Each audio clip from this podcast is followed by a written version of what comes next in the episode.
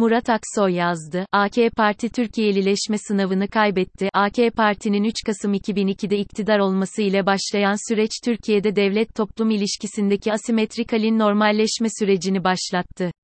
Askeri vesayetin kırılması, bürokratik vesayetin gerilemesi ve siyasal alanının genişlemesi bu sürecin en önemli ayakları oldu makro düzeyde, değişimi, normalleşmeyi temsil eden AK Parti, ne yazık ki değer eksenli siyasal tercihlerde yani mikro alanlarda özellikle son 3 yıl içinde giderek muhafazakar tonu ağır basan bir partiye dönüşüyor.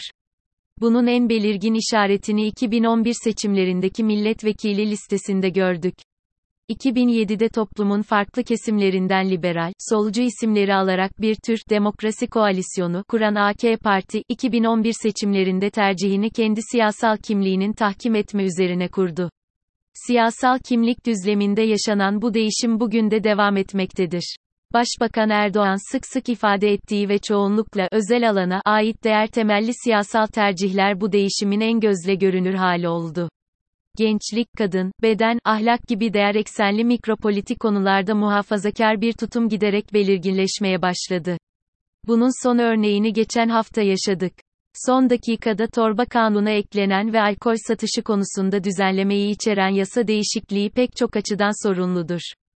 Son dakika oldu bittisinin ötesinde gerek tüketim oranlarının düşüklüğü gerekse toplumsal semptomlarının sorun olmadığı ülkemizde bu alanda anayasal referans gösterilecek yapılan her kısıtlayıcı düzenleme sınırların daraltılması ve devletin yasal gücünü kullanılarak topluma siyasal bir tercih dayatmasıdır.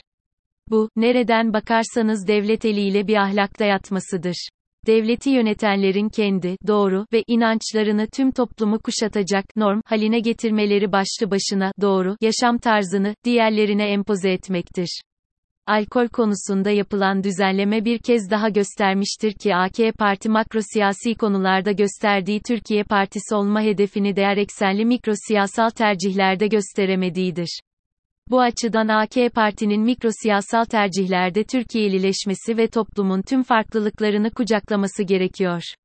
AK Parti siyaseten kendi siyasal kimliğini tahkim eden tercihlerde bulunabilir. Bu en doğal hakkı. Ama unutmaması gereken nokta, Başbakan tüm Türkiye'nin başbakanıdır. Ve Türkiye dilinden kültürüne, dininden yaşam biçimine kadar farklı alanlarda heterojen bir toplumdur. Kemalizm toplumu homojenleştirme projesiydi başarısız oldu. Türkiye'nin yeni kemalizmlere ihtiyacı yok. Bu açıdan bu düzenleme AK Parti'yi yıllardır kuşku ile bakan toplumsal kesimlerin bu kuşkularını haklı çıkarmak için malzeme üretmekten başka bir şey değildir. Her şeyden önce Türkiye'de toplumsal barış, toplumsal farklılıklara, kimliklere ve değerlere hakem olacak bir devleti zorunlu kılar. Yönetenlerin kültürel ve dinsel tercihlerinin tüm topluma giydirilmesi demokrat bir tutum olmadığı gibi devletin laiklik nosyonu ile de bağdaşmaz. Bu ataerkillik üzerinde yaşanan otoriterleşmedir.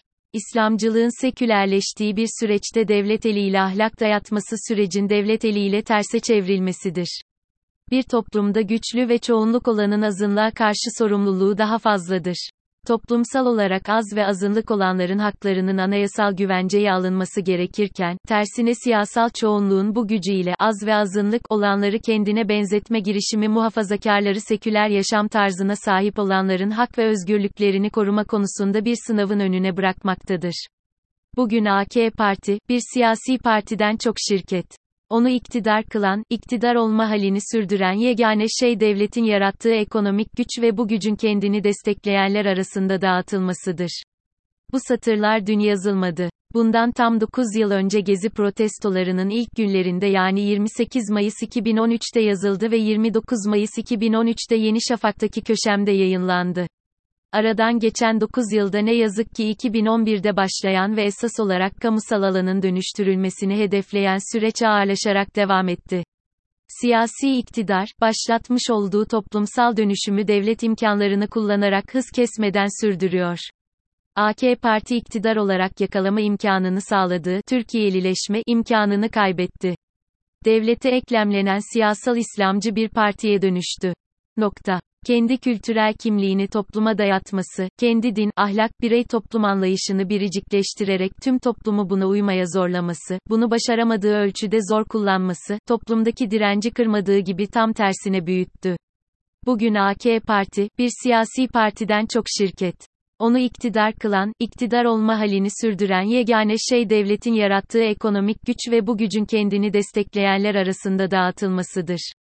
Gerçek şu ki güç azaldıkça, destek de sadakat de azalıyor.